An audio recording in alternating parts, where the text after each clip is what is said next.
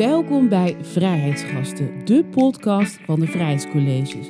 Ik ben Nicole de Boer en praat elke aflevering met een bijzondere gast over vrijheid. Vandaag is onze vrijheidsgast, presentator, televisiemaker, journalist Sander de Kramer. Maar wat sommigen niet weten, is dat hij een goede doelenorganisatie heeft opgericht waarmee hij kinderen helpt en scholen bouwt in Sierra Leone. Voor dit bijzondere werk ontvangt hij op 31 maart in Middelburg een Four Freedoms Award. Kijk, ik heb op zich ben ik een beetje dubbel over prijs, omdat ik vind dat heel veel mensen een prijs verdienen. Er zijn zoveel vrijwilligers die elke dag weer of geen weer op een fietsje stappen en dan naar het bejaardenhuis gaan en, en, en de billen van demente ouderen aan het wassen zijn. Die verdienen allemaal een prijs. Ik dacht eigenlijk toen nog dat iedereen zou handelen. Want ik zei het tegen hè, familieleden, tegen vrienden, de omgeving. Ik heb het verteld bij Pauw en Witteman. Ik zeg, ik ga die kinderen eruit halen en ik ga een school voor ze bouwen. Want ieder kind heeft recht op onderwijs en op een toekomst. Ja, ik heb echt het gevoel dat ik daar iets moet doen, dat er een missie ligt. Ja, en, en, en dat, is, uh, heel begrijpelijk dat mensen ergens niet naartoe gaan. Maar als, als niemand het doet, dan gebeurt er ook niks, toch? Vrijheid is gewoon de keuzes mogen maken die je wil. Vrijheid is uh, kunnen bewegen waar je wil.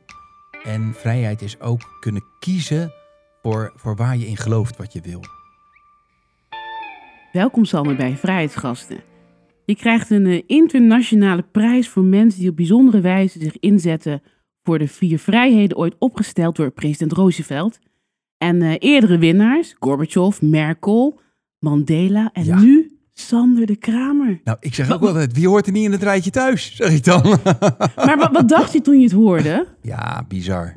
Echt geweldig. Ik ken de prijs. Het is echt een enorme eer. Ik weet ook dat het, eh, ja, dat het ook echt een, een, een, een prijs is waar eh, heel veel bij komt kijken. Weet je wel? Dat mensen ook echt zich heel erg verdiepen in de projecten die je hebt gedaan. En dat vond ik het mooiste. Kijk, ik heb op zich, eh, ben ik een beetje dubbel over prijs, omdat ik vind dat heel veel mensen een prijs verdienen. Er zijn zoveel vrijwilligers die elke dag weer of geen weer op een fietsje stappen en dan naar het bejaardenhuis gaan en, en, en de billen van demente ouderen aan het wassen zijn.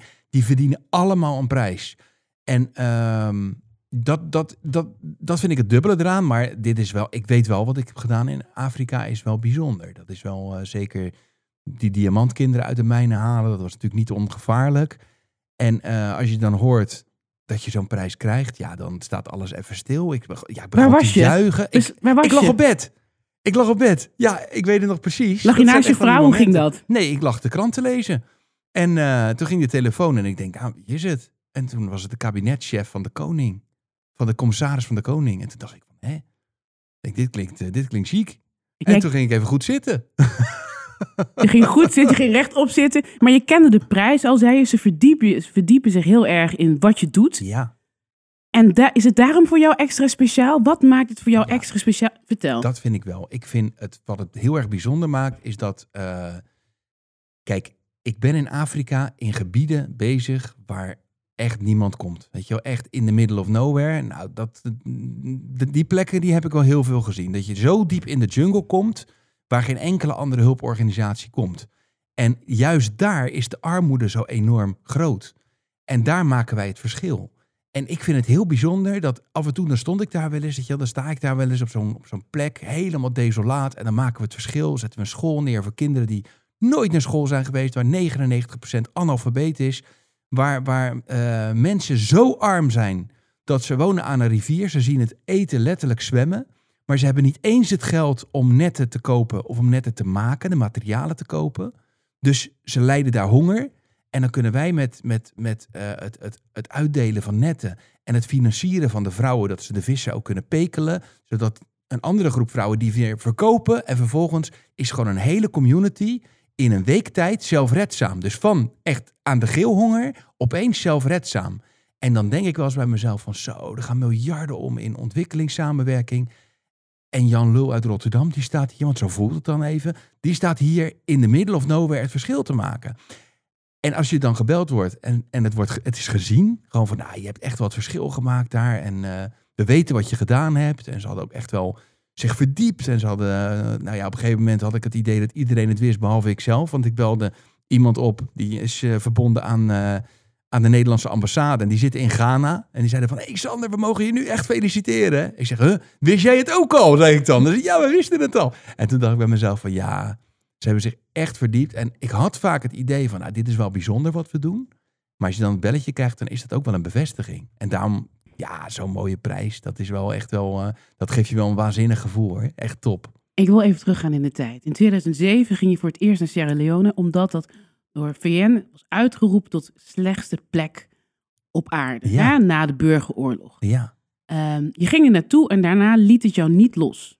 Kan je vertellen wat hetgene was waarom je het niet los kon laten? Wat heb je gezien? Poeh, ja, uh, weet je, ik zag in het begin Die proef al... van jou, die proef van jou, dat Ja. zegt al heel veel. Ja, dat is. Dat, dus ik zag een krankzinnige armoede. Ik zag eh, alles kapotgeschoten. Ik zag heel veel oorlogsslachtoffers. En daar ging ik over schrijven.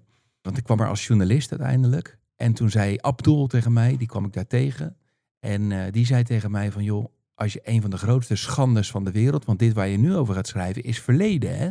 Dit is achter de rug. Want de oorlog is weliswaar niet zo lang geleden afgelopen... maar dit is wel gepasseerd. Hij zegt maar, er gebeurt nog iets. En als je dat ziet, dan zou je daar eigenlijk over moeten berichten. Dit moet wereldkundig worden gemaakt. Een van de grootste schandes van de wereld. En toen nam hij me mee naar de diamantmijnen van Sierra Leone, in het zuidoosten van het land. En uh, wat ik daar zag, heb ik ook meteen gefotografeerd. Dat was krankzinnig. Allemaal kinderen van vijf, zes, zeven jaar jong, die daar naar edelsteentjes stonden te graven en te zeven. Met udeembuiken van de honger. En toen zei ik, wat in vredesnaam is hier gebeurd?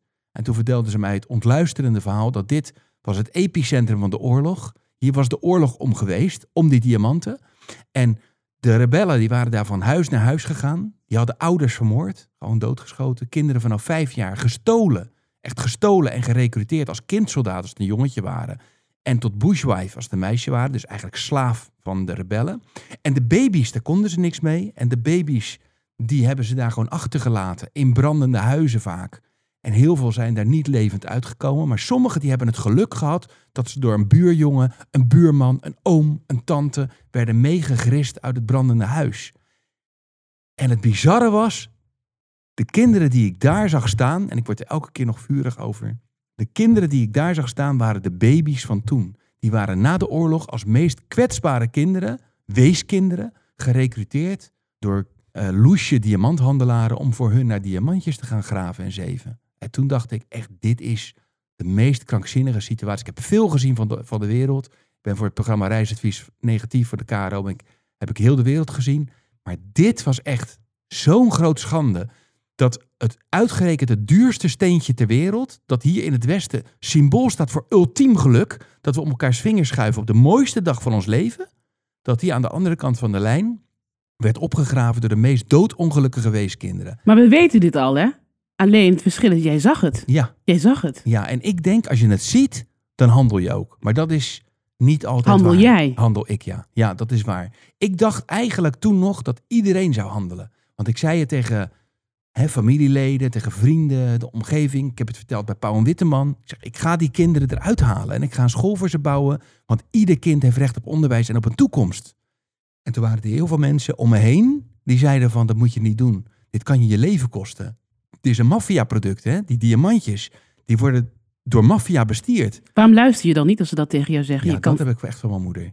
Dat heb ik echt van mijn moeder. Mijn moeder gaat ook door roeien en ruiten.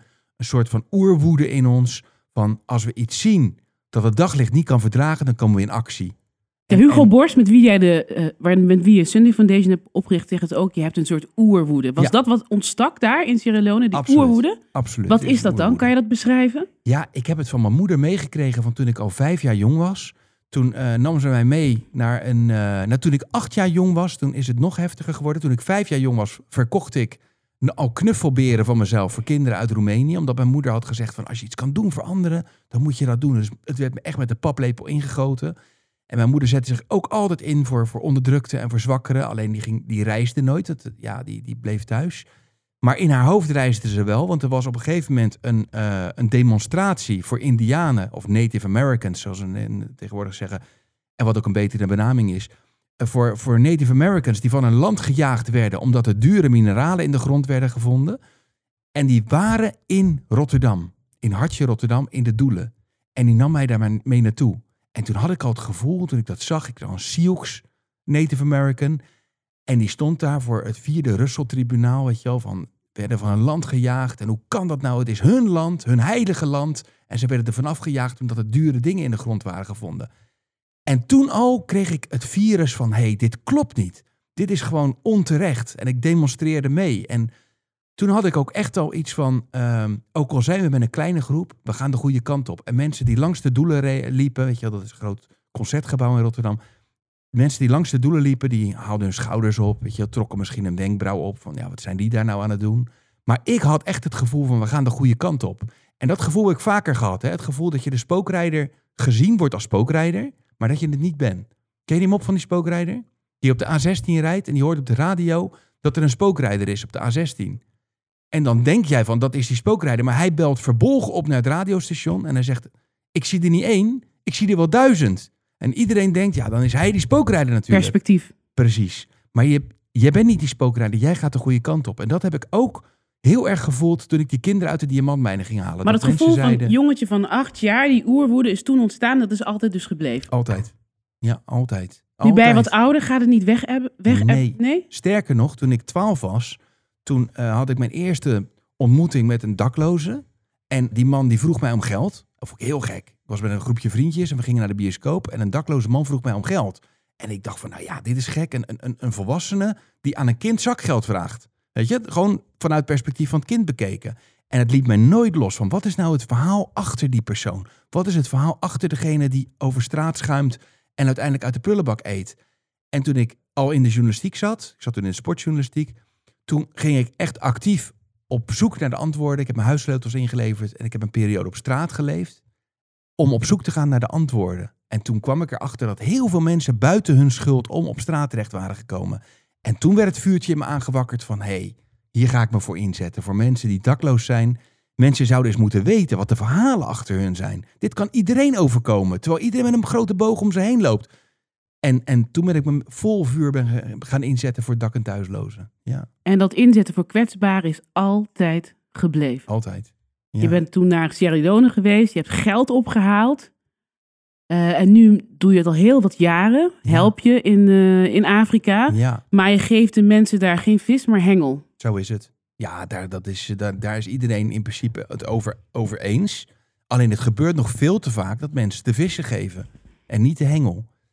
Waarbij je dus eigenlijk mensen ook een beetje hun eigen waarde afpakt. Hè? Want als jij elke dag een vis geeft, dan is diegene een bedelaar.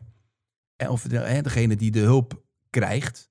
En, en de andere is degene die er een beetje boven staat van kijk eens, hier heb je je vis. Nee, ik geloof in mensen helpen zichzelf te helpen. Dus ik geloof echt dat je op alle manieren mensen kunt empoweren om zichzelf een betere toekomst te geven. En dat merk je aan alles. Dat merk je aan alles. Ook de kinderen nu. Hè? Want als ik zie, de kinderen die ik geholpen heb, hebben nu bijna 27 scholen staan. Als ik zie hoe, hoe de kinderen reageren als ik daar ben. Als ik zeg van wat wil je worden later? Zeggen ze bijna allemaal ik wil dokter worden. Of verpleegkundige worden. Of ik wil uh, uh, teacher worden. Ik wil leraar worden. En dan zeg ik waarom wil je dokter worden? Zeg van nou, ik ben geholpen. En ik heb mezelf geholpen. En ik vind het heel mooi om dadelijk andere mensen te helpen. Kijk, en dat is het, het, het, het pay it forward effect. Wat denk je als je dat hoort? Als je zo'n kind dat oh, hoort dan ben ik zo trots. Ja, dan krijg ik tranen in mijn ogen. Ja, dan krijg ik kippenvel, tranen in mijn ogen. Ja, dan, dan moet ik echt even achter mijn camera soms verdwijnen. Want ik wil niet dat ze me huilend zien. En maar dan, dan, dan doe ik mijn fototoestel, doe ik dan... En dan maak ik even foto's, maar dan pink ik even snel een traantje weg. En dan daarna herpak ik me weer. En dan sta ik er weer voor. En dan, dan... Maar dan ben ik zo trots op kinderen die totaal geen toekomst hadden. En die nu als een raket gaan. Hoe blijf jij doorgaan? Want je bent al zo lang bezig. Je bent hmm. mensen aan het aansturen in Afrika. Ik heb het over honderden mensen. Jouw beste vriend stuurt ze aan. Jij bent hier alles aan het regelen met je vrouw. Constant moet je eigenlijk om geld gaan leuren. Hoe blijf jij doorgaan? De positieve verhalen die ik zie. Dan ga ik stralen, hè? Ik zie het wel in je ogen. Ja. Weet je, als je ziet dat je het verschil echt hebt gemaakt voor mensen en dat die mensen het zo hebben opgepakt. Want dat is het, hè? Mensen hebben het opgepakt, die krijgen een kans aangereikt. En ik ben dan degene inderdaad die ze de kans geeft. Maar ze pakken het met beide handen aan, allemaal. En ik zie de hele community zie ik helpen om een school te bouwen. De hele community.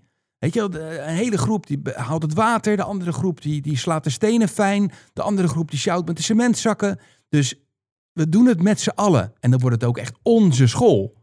En, en, en dat is zo mooi, dat, dat, die succesverhalen. Mensen die, die, die vervolgens... Hè, ik heb een kind, nou, dat is een heel heftig verhaal, maar ik ga het je toch vertellen. Uh, in Sierra Leone gebeurt het heel vaak dat mensen die een gehandicapt kind krijgen, die kunnen daar niet voor zorgen. Ze hebben niet het geld om ervoor te zorgen. Ze worden verstoten, dat herken ik ook. Uh, heb je ook in Suriname, heel veel ja, landen. Ja. Bovendien, ze, ze, kunnen er dus niet voor zorgen omdat het een gehandicapt kind is. Ze hebben geen geld voor de medicatie. En ten tweede speelt daar dan ook dat ze bang zijn dat er iets mee is. Dat ze door de duivel bezeten zijn of er komt bijgeloof bij kijken. En dan gebeurt het dus regelmatig dat kinderen onder de palmboom worden achtergelaten in het bos. En uiteindelijk gewoon om dood te gaan. En die kinderen nemen wij onder onze vleugels. En een van die kinderen is Alimami. En ik heb Alimami groot zien worden. Echt eh, als klein jongetje steeds groter zien worden, steeds groter zien worden. En nu staat hij op de valreep om naar de universiteit te gaan. En dan denk ik van, oh man, dan zie ik hem stralen. Ik krijg nu weer, ik krijg altijd weer kippenvel van als ik dit verhaal vertel. Ik heb het al zo vaak verteld. En weer krijg ik kippenvel. Die jongen, die had totaal geen kans. Lag eigenlijk dood te gaan. En is nu een van de hoopgevers van het hele land. Dat wordt misschien wel de future president. Ja, dat geeft me, dat geeft me de kracht om door te gaan. Dit soort succesverhalen, daar word ik zo vrolijk van. Daar krijg ik zoveel energie van. Het kost me vaak ook heel veel energie, want we zitten diep in de jungle, zoals ik al vertelde. Soms zijn we wel twaalf uur aan het rijden op een weg dat geen weg is. En dan kom je als een milkshake eruit. Soms ook, nou ja, echt dan, dan, dan moet je letterlijk onderweg gewoon vier keer naar de wc, terwijl er geen wc is. Maar omdat je ja, heel je ingewanden gewoon heen en weer schudden, omdat de weg zo slecht is. En dan kom je er aan en dan gaan daar al die kinderen naar school en die zeggen van, hé, hey, we zijn zo blij met je dat, je dat je gekomen bent. En ja, dat geeft mij, dat geeft mij echt de kracht. De kinderen en de, en de mensen die, die, die het aanpakken en die de toekomst worden van het land. Ja. ja. je hebt het net over jouw reis door de jungle. Heel heftig wat je daar allemaal beschrijft. Hmm. Er verschijnt een nieuw boek binnenkort. Dat heet Welcome to the Jungle. Opgetekend door Frits Baarda. Ja. Um, en er staat ook in, ik heb het gelezen, heel mooi. Want ik krijg echt een idee van hoe jouw leven eruit uh, heeft gezien. Um, en er staat... Zo'n prijs vraagt om een kritische reactie. Ben ik niet ongewild een nieuwe koloniaal? Ben je dat? Nee, nee, dat, nee, ik moet er ook een beetje, ja, ik moet er wel een beetje om lachen. Want ik weet wat Frits daarmee bedoelde. Dat is uh, toen ik, uh, ze hebben mij tot chief gekroond, tot burgemeester. En uh, dat hebben ze gedaan omdat, ja, omdat ik echt wel veel goede dingen kwam brengen. Wilden zij iets met hun gevoel. Ja, chief, dat ken ik als een soort ja, burgemeester. Iemand die naar wie je toe gaat voor raad en daad, die dingen beslist. Precies. Hè? De community Een traditional leader is het. Ja. dus het zijn echt de, de traditionele leiders van het, van het, van het, van het land. En toen ze mij chief maakten, werd ik in een, hang, werd ik in een hangmat gegooid. En toen was het echt van, uh, toen werd ik echt door, het hele, door, de, ja, door de hele community getorst. Ja, dat was ook wel, ja, dat was ook wel heel koddig. Maar mensen wilden iets met een gevoel van, ik heb er zoveel goeds gebracht voor de mensen. En de mensen willen iets terug doen. En tuurlijk voelt dat af en toe een beetje van, ja, weet je, als je uh, kijkt het kolonie... hoeft niet. Ja, maar als je denkt aan de koloniale tijd, dat je een witte mensen die even de boel daar gaan oplossen. Ja, maar dat is dus helemaal niet zo. Hè? Ik, ben, ik ben één van de raderen van de hele raad. Ik ben één van de onderdelen van die chiefs. En, en de chiefs onder elkaar, die denken van... oké, de gehandicapten hebben onze steun nodig... want die staan nu allemaal aan de zijlijn.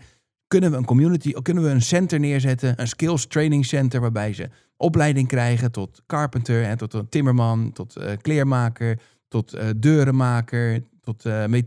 Ja, je bepaalt niet vanuit Nederland, vanuit de community wordt het bepaald. Dat Mensen is het... bepalen het zelf. Het eerste wat ik doe en wat ik heb geleerd om te doen, is mijn westerse bril afzetten en vanuit een Afrikaanse bril kijken. Dus niet van wij komen het wel eventjes bepalen wat hier gebeurt. Dat gebeurt nog veel te vaak, hè? Want ik zie, en, en, en dan worden dus vaak projecten ook white elephants, zo noemen ze dat. Dus dan zeggen ze bijvoorbeeld van, we komen een weeshuis neerzetten.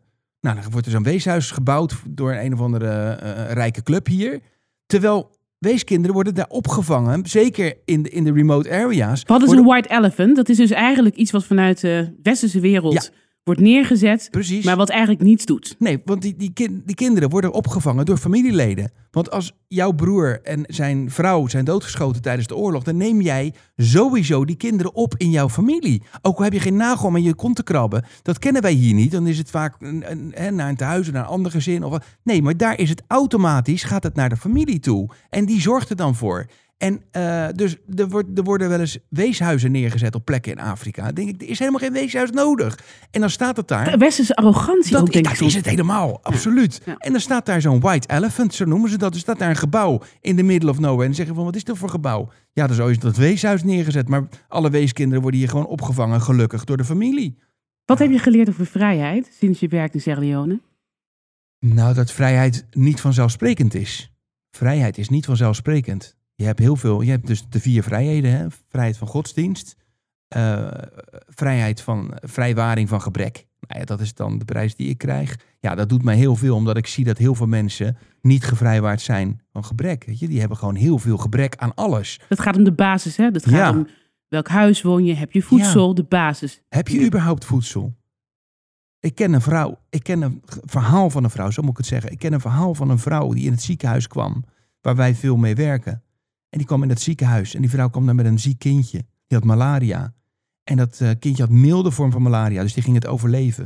En toen hebben ze in een bedje neergelegd. En de dokters zeiden van, krijgt de kininebehandeling en krijgt de behandeling van ons.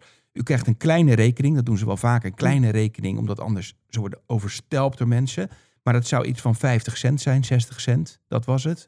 Vier dagen behandeling en de rest werd allemaal betaald door de westerse dokters. En na een eh, minuut of twintig kwamen de dokters terug en dat kindje was dood. Ik hé, wat is dit?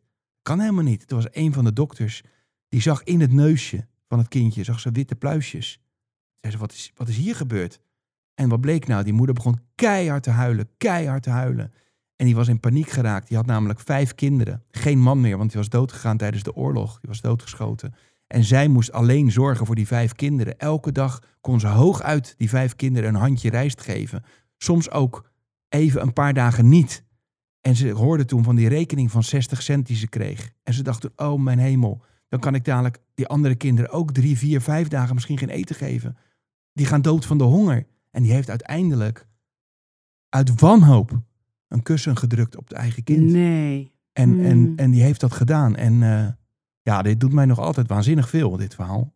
Die heeft dus uit radeloosheid uiteindelijk gedacht van... dan moet dit kind, moet ik dan opofferen om de anderen te redden. En is dat vrijwaring van gebrek? Zo. Dit is, dit is zo'n heftig verhaal. Dat is, dit is gewoon de krankzinnigheid en top. Maar het gebeurt, hè. Het gebeurt in Afrika. Omdat mensen gewoon echt niets hebben. En het helemaal zelf moeten roeien met de riemen die ze ook niet hebben. En dan nou, probeer ik te doen wat binnen mijn mogelijkheden ligt om daar iets aan te doen. Ja, kom binnen, hè, zo'n verhaal. Ik ben er stil van. Ja. Ja. ja, ik ook. Ik heb dit verhaal wel eens verteld eh, toen ik eh, de EO Jongerendag was. Er iemand die had het toen over goed en kwaad en over eh, het, het, het volgen van Jezus en, of niet. En, is een eh, grijs gebied. dan in de hemel komt of niet.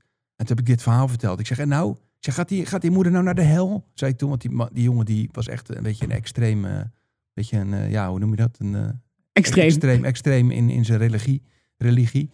En toen, toen heb ik gezegd van, ga jij nou zeggen dat deze vrouw naar de hel gaat? Die helemaal in tranen was, die helemaal overstuur was. Omdat ze gewoon uit wanhoop Wat zei die? gedaan. Er zei niks. Hij was stil. Hij stotterde. Je had het net al over de vier vrijheden van Roosevelt. Ehm, Charles Groenhuizen gaf in 2019 een vrijheidscollege. Daar heeft hij het ook over. We gaan naar een eh, fragment. Die vier fundamentele vrijheden, daarvan zegt Franklin Roosevelt begin 1941, Amerika deed toen nog niet mee aan de oorlog, hij was december 41, uiteraard bij Pearl Harbor, eh, zegt hij, dames en heren, we zitten in een diepe crisis. En toch zegt hij, ondanks dat we, hij wist natuurlijk dat die oorlog ook voor Amerika aan zat te komen, daar stuurde hij ook bewust op aan, zei, zei hij, we moeten aan een aantal hele fundamentele menselijke waarden moeten wij werken. En de overheid, de politiek speelde daarbij een cruciale rol. En om dat doel te bereiken, moeten we ons allemaal inspannen, zei hij toen. Ja, we moeten ons er allemaal voor inspannen. Eens. Helemaal eens. Ja, tuurlijk. We moeten ons inzetten voor vrijheden. Ik ben niet zo lang geleden uit Afghanistan teruggekomen. En daar word je heel moedeloos van af en toe. En eh, ik heb daar eh, ja, echt van heel dichtbij natuurlijk eh, de oorlog meegemaakt. Ik zat er middenin. En eh bomaanslag op niet zo ver weg, waar heel veel doden bij zijn gevallen. Eh, de Taliban op twee kilometer, die aan het vechten waren. Dat de doden over de weg heen kwamen. En, eh, en dan moet je jezelf op een gegeven moment afvragen van ja, komt dit ooit nog goed? En dan word je er heel weemoedig van. Dan denk je echt van, oh jongens, dit is, dit is zo ver weg van, van, van eventuele vrede. Maar goed, ik heb ook in Rwanda gestaan. En waar ik, ja, waar wel een laadje open gaat. Dat is, eh, ik heb een soort apotheekkast in mijn hoofd, zeg ik altijd maar. Dat zit vol met traumaatjes ook wel. Ik heb wel iets te veel gezien van de wereld. Maar ja, ik ga volgens mijn moeder doorroeien en ruiten voor het goede. En dat is, dat is proberen het verschil te maken. En in Rwanda was het aandacht creëren ook voor de, voor de krankzinnige genocide die daar is geweest. Daar ben ik in een kerk geweest. En toen zei de regisseur, die zei toen van loop hier even naar beneden. Die gaf mij lucifer. In die kerk waren 10.000 mensen die dachten dat ze in die kerk veilig waren, omdat het een heilige plek was. En die dachten hier zijn we veilig. Maar uiteindelijk is het daar toch losgegaan. Zijn ze daar naartoe gegaan. Er zijn 10.000 mensen in koele bloeden afgeslacht. Met een machette. En toen ging ik met het lucifertje naar beneden, de kelder in. En toen lagen al die mensen daar nog. Dus ik zag overal ook overal doorkliefde schedels en ook van kinderen. En het heeft zoveel indruk op me gemaakt dat ik zei van komt dit ooit nog goed? De, de, de, verschillen tussen twee stammen, Hutus en Tutsis, dit kan toch nooit meer goed komen? En nu kijk ik naar zoveel jaar, zie ik dat daar wel heel veel veranderd is. En dan zie ik dat Rwanda een van de voorlopers is. Dat er geen plastic naar binnen mag. Dat ze elk, elk jaar of elke week hebben ze daar uh, clean-up day. Dat iedereen alles schoonhoudt. En dat het land op het shirt staat bij Arsenal nu. Visit Rwanda. En dat steeds meer toeristen daar komen. Dus je hebt hoop, je en hebt dat er een verbod is op het woord Hutu en Tutsi. Tien jaar gevangenisstraf op het woord Hutu en Tutsi. Als iemand zegt, jij bent een Tutsi of jij bent een Hutu. Tien jaar gevangenisstraf. We zijn nu allemaal Rwandees. En dat geeft me dan wel het geloof in van het kan wel, weet je wel. Het kan wel. Maar ieder, ieder mens heeft gewoon het recht om te leven in vrijheid. De Four Freedoms Awards verwijst naar vier fundamentele vrijheden. Dat zijn vrijheid van meningsuiting, vrijheid van godsdienst. De derde is vrijwaring van armoede en gebrek, hè? de mhm. prijs die jij krijgt. En de vierde is vrijwaring van vrees. Nu wil ik weten, de, deze vier vrijheden, is het voor jou nog steeds actueel ook in Nederland? Enorm. Misschien wel, misschien wel meer dan ooit. Ik bedoel, de mensen die voor in de rij staan bij de voedselbank, dat zijn er nogal wat hoor. Als je het hebt over uh, gebrek echt mensen die, uh, die, die, die, die, ontzettend, uh, ontzettend arm zijn in Nederland. En het is, ja, weliswaar hebben we daar gelukkig een vangnet voor. Dat, dat, er, dat we proberen om mensen basisbehoeften te geven. Maar ook dat lukt soms niet. Ik krijg ook heel vaak op mijn, mijn privé uh, inbox op Facebook gewoon echt verzoeken van zou je me alsjeblieft willen helpen met de boodschappen. Ik heb mijn hele hoop op jou gevestigd. Heftig hoor, zo. Waarom kies je ervoor dan om in Sierra Leone te helpen, mensen te helpen en niet hier? Ik doe hier ook. Ik help dak- en thuislozen. Ik heb 17 jaar lang heb ik me ook ingezet voor de dak- en thuisloze krant. Die heb ik in veel steden ook opgezet. Ik doe nog steeds veel voor dak- en thuislozen, mensen die in armoede verkeren. Uh, en en dus. Ja, en en. Ja, en en. Ja, maar eigenlijk is het en en en. Overal waar je terechtkomt. Je bent een mens. Weet je, je bent journalist, maar je bent bovenal mens. Dus toen ik in Sierra Leone terecht kwam, toen dacht ik bij mezelf van wow, weet je wat ik nu tegenkom? ik kan het verschil maken. Ik, ik heb het, ze zeggen de pen is, is, is mightier dan, dan het zwaard. Hè? De pen is machtiger dan het zwaard. Dus laat ik dat dan ook doen. Dus ik heb de pen gebruikt om daar uiteindelijk scholen neer te zetten. Want mensen lazen het en die zeiden van dit is echt een schande, ik ga je helpen. En dat doe ik hier ook en dat doe ik op heel veel plekken. Ik ga nu naar Congo, omdat in Congo wordt nog steeds de coltan en de kobalt, dus de spullen die gebruikt wordt, ja, voor de mobiele telefoons en voor uh, elektrische auto's, die worden daar nog steeds opgegraven door, door, door ontzettend arme kinderen. En dan denk ik van, waarom doet niemand iets eraan? Dus ik ga de eerste school daar neerzetten voor kinderen die uit die kobalt- en coltanmijnen kopen. Maar het eerste wat ik heb gedaan is in Nederland de Fairphone gekocht. De eerste eerlijke telefoon. Zonder kinderhandjes, zonder uh, met eerlijke prijs voor de, voor, de, voor de mensen die het opgegraven hebben. Want je bent nu ambassadeur toch van Fairphone? Ja, ja. ambassadeur van Fairphone. Omdat dat komt dan op je pad. En dan zeg je ook met z'n tweeën van, joh, we moeten toch een school neerzetten daar om alleen al het signaal te geven aan alle organisaties waar zoveel geld in omgaat, om te laten zien van, hé, hey, jongens, denk ook even aan de kinderen die in de coltan en de kobaltmijnen staan. Dit is te gek voor woorden. Die, die werken zich letterlijk dood, hè? Die, die mijnen storten in. Dat heb ik ook uh, heel veel van die verhalen gehoord in, in Sierra Leone. Mijnen storten in en alles wat erin is, dat is dan dood. Ik heb het gevoel alsof je de wereld op je schouders draagt. Ja, een beetje wel. Maar ik blijf er wel positief onder. Ik blijf er wel heel positief onder. Ik, ik ben wel een soort wandelende Prozac-pil, zeg maar. Wandelende ecstasy-pil. Dat ik wel kijk naar de dingen die ik wel heb kunnen doen. En niet dat je op een gegeven moment, net als Schindler, hè, de film Schindler's List, die helemaal doordraaide. Die echt zei van, oh, ik had dit nog moeten verkopen, dan had ik nog wat mensen kunnen redden. Oh, ik had, had die auto moeten verkopen, dan had ik nog wat mensen kunnen redden. Ik, ik kan wel ervoor zorgen dat ik, tenminste, nog, laat ik het zo zeggen. Ik zorg er nog voor dat ik wel in balans blijf. En sport is daar heel belangrijk in. En, en, en als je aan mij vraagt, wat, wat is luxe? Nou, ik ben wel een Franciscaan ten diepste, denk ik. Ik heb heel weinig met luxe. Maar ik heb wel... Je hebt de auto uit 19? 1988, ja. Yes. Een, een Fiat Panda, hè? weet je wel? Zo'n Seat Marbella. Ik heb hem gezien, ik heb hem gezien. ja, dat is echt fantastisch. Maar daar voel ik me goed bij. En eh, voor mij is eigenlijk een kaasje met een flesje wijn... Ja, dan, daar, daarmee daar haal ik heel veel inspiratie en energie uit... om me weer in te zetten voor de goede doelen die ik doe. Het is Ja. zo'n verschil. Aan de ene kant maak je dan programma's voor Rijnmond of je zit Mhm. achter de microfoon voor Caro en CV.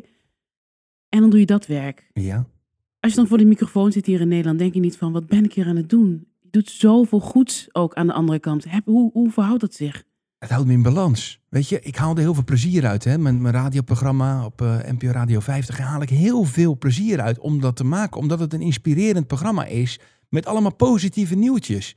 Ik laat zien van, hé, hey, kijk eens even wat hier gebeurt. Kijk eens wat daar gebeurt. Positieve dingen. Eigenlijk is het een soort van eh, positive happiness show. Nou ja, dat heb ik als voor NPO 3 ook gedaan. Jaren geleden waren ook allemaal positieve dingen die gebeurden. Mensen die mooie dingen doen. Inspireren. Laten zien wat er wel gebeurt. In plaats van naar dingen die er niet gebeuren. Tuurlijk kun je elkaar allemaal de put in praten. Helemaal in, in een coronaperiode als nu. Maar je kunt het ook positief zien. Ik vind het ontzettend jammer dat we niet bij elkaar komen in de, in de kerk in Middelburg voor de prijs. Aan de andere kant denk ik van ja, maar deze digitale bijeenkomst wordt fantastisch. Er kan dadelijk iedereen van genieten. Iedereen kan het meezien. Dus ja, je kunt altijd kijken naar het positieve of je kan kijken naar het negatieve. Maar voor mij is dan toch altijd het glas wel half vol. Ik wil nog even gaan eh, naar Rotterdam. Tweede Wereldoorlog. Als Ja, ik denk aan mee? stad. Naar Rotterdam? Rotterdam vind ik een geweldige stad. Ja, daarom. Toch zeker een weten. prachtige stad. Zeker weten. Ja. Maar eh, als ik denk aan de Tweede Wereldoorlog Ja. en het effect. Mhm. Een, een stad die echt plat is gebombardeerd. Enorme geschiedenis. Denk jij daar ook nog aan als je denkt aan de Tweede Wereldoorlog? Zeker. Leeft het gevoel nog? Ja? Ja, tuurlijk. Het is heel dichtbij nog. Hè. Mijn vader komt uit de oorlog. Mijn moeder is, eh, is, is gemaakt in de hongerwinter. Mijn, mijn moeder is eh, geboren net na de oorlog, net na de bevrijding. En mijn vader is geboren in 1942. Sterker nog, echt op, eh, op, op, op, nou ja, op 20 meter afstand waren in 1940 de bommen gevallen van hun huis. En dan was hij waarschijnlijk helemaal niet geboren. Dus hij had ook had een kettingje. En dan had hij zijn naam aan als baby. Had hij een kettingje met eh, nou ja, Pieter Willem de Kramer en zijn adres. Want als er een bom was gevallen, dan, eh, en, en, en bijvoorbeeld zijn ouders waren doodgegaan en iedereen had weer over, over straat gekropen en, en, en gelopen en alles, dan wisten ze in elk geval van wie dat kind was. Dus ja, het is voor mij heel dichtbij. De verhalen over de oorlog zijn altijd dichtbij. De kogelgaten zitten letterlijk nog in de, in de oude Willemsbrug, hè? Maar ook in de, in de spoorbrug die er heeft gestaan. Heeft Ja. jouw vader jou dat ook eh, zo meegegeven? Die verhalen? En want ik ben een kind geboren in de oorlog en die vrijheid moeten we bijvoorbeeld bevechten. Hoe? Mijn vader niet zo. Mijn vader was heel stil. Mijn Dat is weer die was- moeder van je, hè? Ja, mijn moeder wel. Maar mijn vader was eigenlijk een beetje de stille Willy. En dat komt ook omdat hij heel veel heeft meegemaakt. Hij heeft een auto-ongeluk gehad eh, in Frankrijk. Waar waarbij eh, een Engelsman aan de verkeerde kant van de weg reed. En ze reden dus allebei, klapten ze met 80 km per uur op elkaar. Dus met 160 km per uur. Mijn vader probeerde mijn moeder te redden. Dus die schoot naar rechts. Was mijn- voor jouw geboorte, hè, Ja, toch? was voor mijn geboorte. Om mijn moeder te redden. En toen schoot zijn stuur letterlijk door zijn stoel heen. Zo hard was de klap. Dus hij was geperforeerd door zijn eigen stuur. Als hij dat niet had gedaan. Hij had geen gordel om, anders was hij ook dood geweest. Maar eh, mijn moeder was, lag, echt, lag er heel slecht bij. Die, eh, die heeft eh, echt haar heel, heel haar gezicht heeft er echt afgelegen. Ze is met 72 hechtingen en eh, heeft zij het gered uiteindelijk. Maar ze heeft heel lang in het ziekenhuis gelegen in Frankrijk. En toen ze uiteindelijk dat overleefd hadden, toen hebben ze gezegd van, zullen we nog een kindje maken? En daar ben ik uit, uit voortgekomen. Dus ik heb sowieso wel een, een rare start gekend. Maar mijn moeder is veel meer een prater dan mijn vader. Mijn vader heeft door dat ongeluk en, eh, en misschien ook wel door andere dingen, een broertje van hem verloren door water, verdronken. En zijn vader ook verdronken. Dat was eigenlijk altijd de stille Willy in huis. En later hoorde ik wel de verhalen van mijn vader, ook wat hij heeft meegemaakt. In de oorlog geboren, dat met zich meetorsend. Laten we gaan naar Roosevelt, in de, die in de Tweede Wereldoorlog natuurlijk eh, een beroemde toespraak hield. is freedom from want, which translated into world terms means economic understandings which will secure to every nation a healthy, peacetime life for its inhabitants everywhere in the world. Ja, de inspirator van deze prijzen, 31 maart, je zei het al, had je de award moeten krijgen. Dat is niet gebeurd. Corona kwam. Hm. Het zou een heel groot feest worden met eh, de koning. eh, eh, Guus Hiddink zou je omhangen. Ja. Vind je het jammer? ja, ik vind het wel jammer. Ja, het is wel jammer. Het was al echt wel een, eh, iets waar je natuurlijk toen al heel erg naar uitkeek.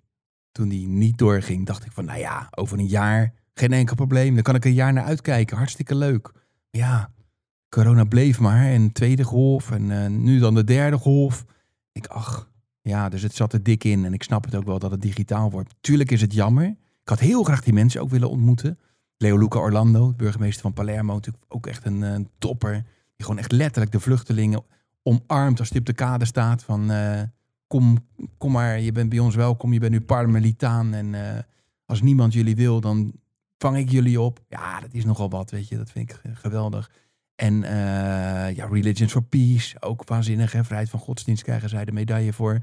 Ik had het waanzinnig leuk gevonden om Antonio Gutierrez, de Kofi Annan van nu, te ontmoeten van de Verenigde Naties. Ja, en dat, dat diner had ik onwijs naar uitgekeken. Weet je wel, aan de avond ervoor met z'n allen daar lekker eten, bij elkaar slapen. Niet Ja, want je houdt van mensen, hè? Je wel- houdt- ja, ja, tuurlijk. En, inspirerende mensen, die, waar je zoveel inspiratie uit haalt. Ik denk dat we elkaar wel heel erg hadden aangevuld. En nu wordt het natuurlijk een digitale sessie. Maar ja, ik kijk toch naar het halfvolle glas. Mis je dat, gelijkgestemde mensen die net als jij gewoon, bam, voet in de klei en er tegenaan gaan? Soms wel.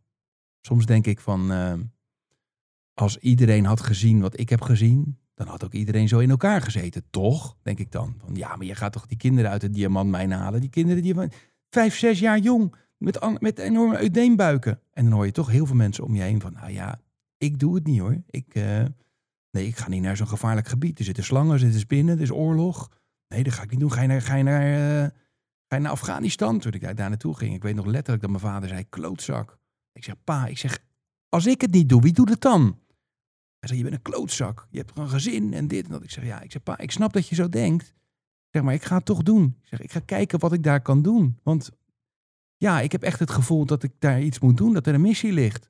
Ja, en, en, en dat, is, eh, dat is heel begrijpelijk dat mensen ergens niet naartoe gaan. Maar als, als niemand het doet, dan gebeurt er ook niks, toch? Dus ik ben, ik ben er nu wel me van, er, van doordrongen dat het wel bijzonder is wat ik doe. Dat had ik een hele tijd helemaal niet, hè? Toen ik de eerste Wanneer kwam de jaren... omslag? Wanneer kwam de omslag dat je dacht van, hé, het doet ertoe? Hmm, ja, ik denk toch wel toen, toen, toen die kinderen eenmaal bedrogen waren, zeg maar, hè, uit de diamantmijnen. Lekker op school zaten, hun kans kregen. Wij betaalden hun school, eh, schoolfees familie en- meenemen, hè? Ja, toen kreeg ik wel steeds vaker te horen van, ja, maar dit is niet normaal. Weet je, wat jij doet is echt wel andere planeet. En nou, dank je, maar ik zie het zelf nog steeds, ben ik er vrij nuchter in. Maar die vader van jou, die eerst onbegrip had, die Ja. boos werd zelfs, heb je meegenomen naar Sierra Leone. Ja, Waar jij ook een zoon hebt die naar hem vernoemd is. Een Ja. voetballer. Hij heet Pieter de Kramer. Pieter de Kramer. Pieter de Kramer. Ja, hij heeft zichzelf Pieter genoemd, hè? En- jij bent en- vader van een zwarte jongen. Ja, weet je wat het is? Eh, deze jongen is zo bijzonder. Hij heet Alfa. En eh, toen hij zeven jaar was, hij weeskind geraakt. Zijn vader was overleden. Eh, die was visser, die is verdronken. Toen hij twee was. En zijn moeder is overleden door ziekte toen hij zeven was. En hij was altijd zo bijzonder. Hij kwam altijd, als er een container was gestuurd door ons... met, vol met, eh, met, met, met rolstoelen, krukken, alles... om de gehandicapten te helpen, was, stond hij vooraan. Zei, Alfa, zei hij, daddy, daddy, I'm gonna help you, I'm gonna help you. En dan stond hij altijd met alles te sjouwen, zonder dat er, weet je, zonder iets terug te verwachten. En toen uiteindelijk, toen, eh, nou ja, ik, ik, ik heb hem wel onder mijn vleugels genomen. En nou, ze noemden me altijd daddy, daddy. En toen op een gegeven moment, toen kwam het moment dat hij profvoetballer werd. In Guinea, want hij kon hartstikke goed voetballen. Toen zei hij, daddy, ik word voetballer, profvoetballer in Guinea. Ik zei, dat meen je niet, want het is een heel groot voetballand, hè, Guinea. Daar komt ook de grote Pogba vandaan. En eh, toen zei ik van, nou, dat is toch waanzinnig. Hij zegt, ja, maar ik moet nu reizen. Hij zei, ik heb natuurlijk nooit een paspoort gehad en ook geen achternaam. Hij zei, mag ik dan jouw achternaam? Hij zei, mag ik dan de Kramer heten? Nou, ik brok in mijn keel natuurlijk. Ik zei, ja, natuurlijk. Hij zei, maar dan wil ik ook... Ja, want ze, hebben, ze, ze, kijken daar heel erg op tegen opa en, en de voorvaderen. Heel erg veel Voorouderverering, dat ken ik, voorvaderverering, ja. En toen zeiden ze, "Wat mag ik dan opa's naam? Ik zei, ja, natuurlijk mag dat. En nou staat in zijn paspoort Pieter de Kramer. Ja, dat is natuurlijk aan de ene kant. En het grappige Wat is, jouw va- vader... wat zei jouw vader toen ja, dat die stond, met, die stond te snotteren natuurlijk. Die stond met een zakdoek in zijn hand meteen. Ja, dat is echt- Die vader van jou is veranderd, hè, de laatste ja, tijd. mijn vader is heel erg veranderd. Ja, hij heeft mij ook nooit... eh, dat, hij, dat hij zei dat hij trots op me was. Tot, totdat hij in Sierra Leone stond.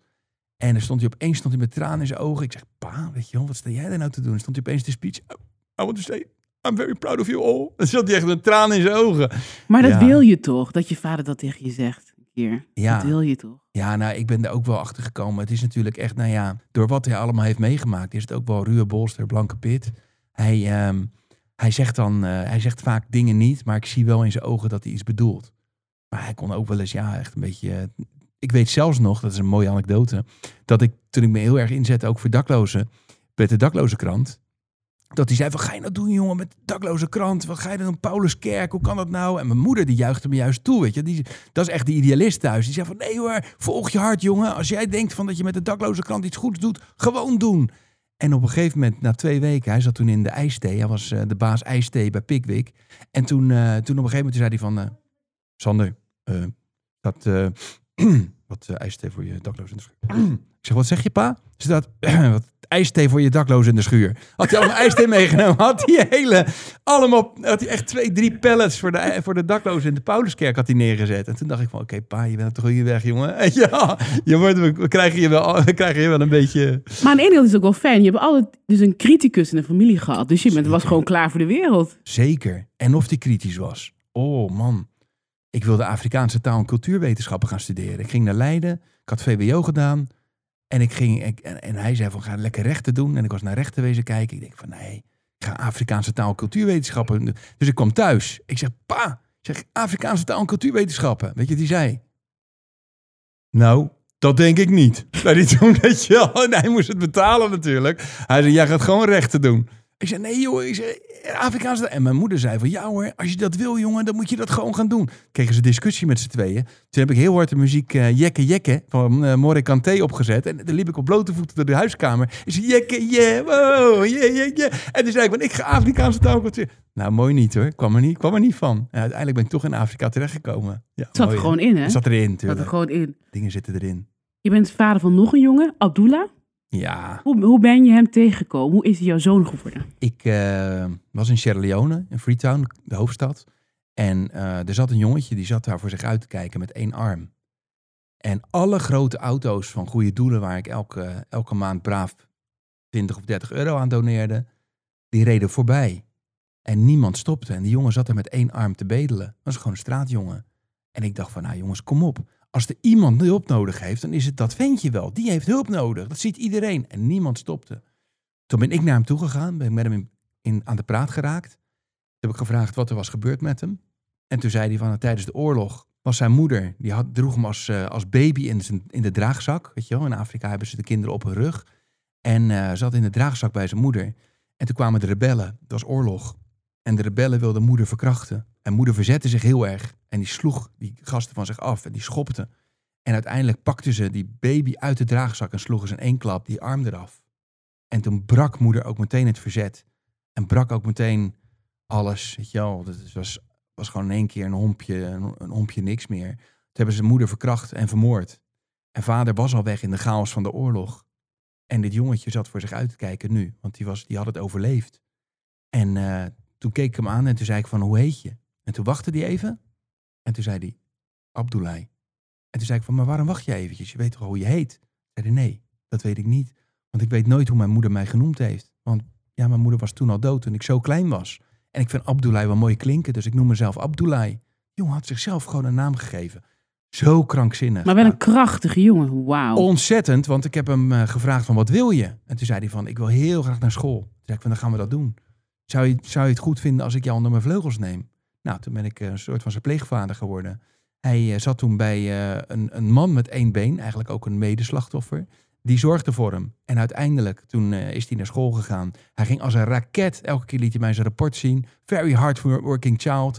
Hij ging al binnen twee jaar ging hij al boeken voorlezen. Hij ging die borden voorlezen. Hij ging altijd met me mee. Ging altijd als ik naar Sierra Leone ging, ging ik eerst langs Abdullah, even langs. En, nou ja, woonde echt in, in, eh, weet je wel, in, in, in, een, eh, in een wijk boven aan de berg. En dan kwam ik bij hem en dan kwam hij helemaal knuffelen. Hij was zo blij om me te zien. En dan ging hij ook echt heel de reis ging hij met me mee. En nu is hij inmiddels zo groot. Hij is een kop groter dan ik. En uh, geeft hij zelf les aan uh, kleine kinderen. Dus ja, dat is, dat is natuurlijk een van je dromen. Weet je? Dat, dat een jongen die helemaal niks had, straatkind was, dat hij uiteindelijk uitgroeit tot een hoop van het land. Dat is zo mooi. Ik wil nog even, want iedereen heeft, heeft het vaak over zoiets anders hè, als het om vrijheid gaat. Als jij moet zeggen wat vrijheid voor jou behelst, wat is dat? Vrijheid is gewoon de keuzes mogen maken die je wil Vrijheid is uh, kunnen bewegen waar je wil. En vrijheid is ook kunnen kiezen voor, voor waar je in gelooft wat je wil. En dan kom je al heel snel kom je dan op de Four Freedoms uit. Weet je, godsdienst, de keuze van godsdienst is voor heel veel mensen niet vanzelfsprekend. Neem nou Afghanistan waar ik ben geweest. Ja, dat is Islamitische Staat Afghanistan. Zo heet het, hè? Het heet echt Islamitische Staat Afghanistan. Ja, dat is, uh, dat is daar heel moeilijk. Als je in sommige landen, als je christen bent of als je katholiek bent of, of anders gelovig ja, dan, dan, dan loop je gewoon gevaar. En dat is gewoon, ja, dat, dat, dat deugt gewoon niet, vind ik. Ik vind gewoon dat mensen echt moeten, de godsdienst moeten kunnen aanhangen die ze willen. Ze moet, mensen moeten kunnen geloven waar ze in willen. Die moeten in vrijheid kunnen leven. Die moeten kunnen worden wat ze willen. En, en uh, ja, dan kom je op de vier kernwaarden. Niemand zou in angst hoeven leven. Iedereen zou gewoon de dingen, de basisbehoeften moeten krijgen die ze, die ze, die ze nodig hebben. Dus vrijwaring van gebrek ik sprak Massi Hoetak, die zei: vrijheid brengt ook verantwoordelijkheid met zich mee. Als jij hier in vrijheid leeft, dan moet je ook vechten voor de vrijheid van anderen. Ja. Ben je het daarmee eens? Ja, ben ik het zeker mee eens. Dat doen we dan ook. En soms ga ik daar misschien een beetje ver in. Weet je, ik sta wel echt zo voor mijn idealen dat ik mijn idealen boven mijn eigen leven heb gesteld. En dat is natuurlijk wel bizar. Dat je op het moment dat uh, in Heb je dat echt boven je eigen leven? Ja, Zie ja, je dat? Ja, ja, ja. ja, stel je voor dat ik uh, uiteindelijk nou dadelijk naar Congo. Nou, dat wordt ook best wel een, uh, best wel een spannend avontuur. Want ja, want je gaat naar Congo om daar dus ook kinderen te redden uit de, mij, de mijnen. Hè? De uit kobalt, coltan en kobaltmijnen. Ja. En die naar school te sturen. En dat wordt best wel een uh, spannend project. Want er is daar gewoon een keiharde oorlog om die grondstoffen. En uh, dat zou kunnen gebeuren dat ik daar, uh, dat ik daar sneuvel. Dat dat mijn einde wordt. En dan, dan heb ik, dat weet ik. En willens en wetens ga ik daar toch naartoe. En dat is voor mijn gezin soms heel moeilijk. Wat zegt, wat zegt jouw vrouw Wendy, die samen met jou eigenlijk je organisatie runt? Ja. Wat zegt zij? Nou, die, is het, die, is, die staat echt helemaal achter me. Die staat pal achter me de dingen die ik doe. En we hebben natuurlijk ook veel over gesproken. Van ja, het zou kunnen dat het, dat het een keer ophoudt. Dat een keer een avontuur uh, wat ik doe, wat ik aanga om andere mensen te helpen, dat het eindigt in, uh, in een triest verhaal. Maar dan heb ik zoveel gedaan en heb ik zoveel geleefd, dat ik het, ik heb het leven van duizend anderen geleefd. Dus dan nog, ik heb ook hele mooie dingen meegemaakt in al die landen. Ja, ja, En, en dan heb ik het gedaan voor al die anderen, voor al die kinderen. En dan heeft het uiteindelijk toch wel zijn waarde gehad. Ja. Stel dat je er niet bent, wie gaat er verder met je goede werk? Ja, dat wie heb is ik met de iemand motor? afgesproken. Ja? Ik heb met een goede vriend van mij, Herman, afgesproken. Ook iemand die heel lang voor Arts zonder Grenzen heeft gewerkt als vrijwilliger. En uh, een um, heel goed netwerk heeft ook, dus ook wel aan geld kan komen. Hij heeft gezegd van, uh, als jou iets overkomt, neem ik het over. Ja, dan moet je wel van tevoren regelen. Dan moet je niet achteraf zien te regelen. Dan wordt het een zootje. Ja, ja want jij bent degene die dat geld voor elkaar krijgt. Ja, met, jij, met bent heel chief, jij bent chief oude dibbes, hè? Ja, jij maar weet... ik krijg wel de prijs, ja. omdat ook heel veel anderen mij helpen. Want zonder anderen ben ik niks, hè? Ben ik helemaal niks. Zonder, zonder mijn vrouw, die je net aanhaalt, ben ik niks. Zij zorgt dat, dat thuis alles op rolletjes loopt en dat als ik wegga. Maar goed, als ik naar Afghanistan ga bijvoorbeeld, dan, dan zegt ze van, ik ben het er niet mee eens, maar ik sta wel achter je. Dus ze is het er niet mee eens dat ik er naartoe ga, maar ze staat wel achter me. Dat is ook mooi. Kijk, Sierra Leone zegt ze, ik ben het helemaal mee eens en ik sta ook achter je. Maar als ik soms naar oorlogsgebied ga, waar, waar het heel moeilijk is om mensen te helpen, omdat ik een westerse achtergrond heb, ja, dan, dan vindt ze dat heel moeilijk. En ik heb dan juist van, ja, maar als niemand het doet, dan moet ik het doen. En juist dankzij al die vrijwilligers die er zijn op de wereld, en waar wij ook heel veel, ik ben ook vrijwilliger, hè, ik ben niet, ik word niet betaald. Niet betaald nee, nee, ik krijg er niks voor betaald nee. voor wat ik doe. Sterker nog, het kost me heel veel geld. Maar dat geeft niet, want ik Op heb een goede eigen baan. geld? Ja, Oh. tuurlijk. Ja, zeker. Maar dat geeft niet, want uh, ja, dat, dat, dat heb ik ervoor over. Want ik vind het hartstikke mooi om het verschil te kunnen maken voor mensen. Maar uh, ik heb een goede baan, dus er komt meer binnen dan eruit gaat. Dus dat is prima. En ik vind het mijn verantwoordelijkheid van iemand die het goed heeft, om het ook ervoor te zorgen dat andere mensen het goed hebben. En dat kan ik doen door heel veel mensen die er ook zo voor over denken. En daarom draag ik deze prijs ook op aan alle vrijwilligers in de wereld. Want zonder vrijwilligers zou alles in elkaar lazeren. Ik, ik, je vertelde net dat verhaal over het jongetje op straat, waar al die goede doelen voorbij reden. Ik heb heel veel dat er aan de deur wordt aangebeld door een goed doel, een groot goed doel. En dan heb ik soort, zit ik echt met mijn geweten van, ik weet dat zo'n goed doel een heel groot hoofdkantoor heeft ergens. En bijvoorbeeld eh, op het continent in Afrika doen ze heel weinig. Dan denk ik van, maar wat kan ik dan doen? Dus nu heb ik bij mezelf gekeken, ik ga gewoon kijken, wat kan ik in mijn buurt doen? Wat, weet je wel, hoe, hoe, wat, wat moet iemand doen die luistert? Hoe kan je het verschil maken? Als je niet aan dat soort organisaties geld wil geven, maar echt... Ja, kijk, dat is dus een heel moeilijk iets. Hè? Je weet, je snijdt nu best wel een heftig punt aan. Uh, je hebt natuurlijk steeds meer mensen die denken zoals jij nu denkt. Van, ik wil niet het, uh, het hoge, grote salaris van een grote organisatie steunen. Waarvan je ziet dat iemand uh, anderhalve ton verdient. Die white nee, elephant waar jij het ook wil, over hebt. Ja, je wil, je wil geld, wil je zorgen dat het op de juiste plek terechtkomt. Dus je krijgt steeds meer mongo's, zoals we dat noemen. My own NGO. Mensen die het zelf wel even gaan doen. Alleen het nadeel is, als mensen het zelf wel even gaan doen, lopen ze vaak in valkuilen. Weet je, want mensen helpen is ook heel moeilijk. Hè? Toen ik het ging doen, toen had ik al 17 jaar lang ervaring met dak- en thuislozen. Met mensen die van dag tot dag leven. Sterker nog, van uur tot uur leven. Dus die ervaring, en, en, en ik schreef ook heel vaak over projecten die lukten, maar ook die mislukten. Dus ik had een hele bagage vol met ervaringen om daaraan te beginnen aan dit avontuur. En niemand zette zich in voor die, voor die, voor die uh, diamantkinderen. Want als er een organisatie was geweest die zich inzette voor de diamantkinderen, had ik gezegd van ik ga jou ondersteunen. Maar het was er gewoon niet. En daarom heb ik toen de stoute schoenen aangetrokken. Maar, um, maar wat moeten we nou doen? Wat moet je Ja. doen als je luistert en je denkt ik wil het verschil maken, maar ik wil, wil dat mijn geld goed terechtkomt? Ja, en vergis je niet, hè, alleen kan ik niks. Ik word heel veel geholpen door mensen die hè, elke maand een tientje doneren bijvoorbeeld. Dat zijn echt onwijze helden, want daar kan ik het verschil mee maken. Hele mooie anekdote.